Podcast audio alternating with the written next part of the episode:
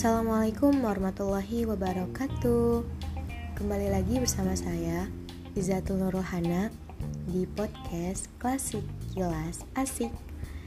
Jadi pada episode kali ini Episode yang kedua uh, Saya akan menjawab soal nomor 2 Yaitu penjelasan tasaruf dan pembagiannya. Nah, di sini tasaruf itu sendiri merupakan segala sesuatu perbuatan yang bersumber dari kehendak seseorang dan syara menetapkan atasnya sejumlah akibat hukum, hak, dan kewajiban.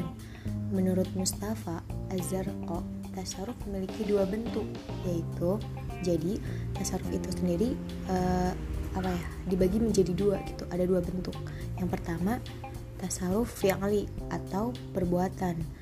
Nah, tasaruf fi'li itu uh, usaha yang dilakukan manusia dari tenaga dan badannya seperti kayak mengolah tanah yang tandus dan lain-lainnya.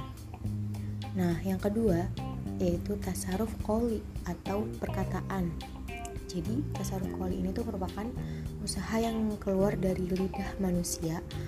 Jadi kayak dalam bentuk uh, perkataan gitu, omongan. Nah, tidak semua perkataan manusia digolongkan pada satu akad ada juga perkataan yang bukan akad, tetapi merupakan suatu perbuatan hukum. Tasaruf koli terbagi dalam dua bentuk. Yang jadi e, di tasaruf koli ini tuh dibagi lagi tuh.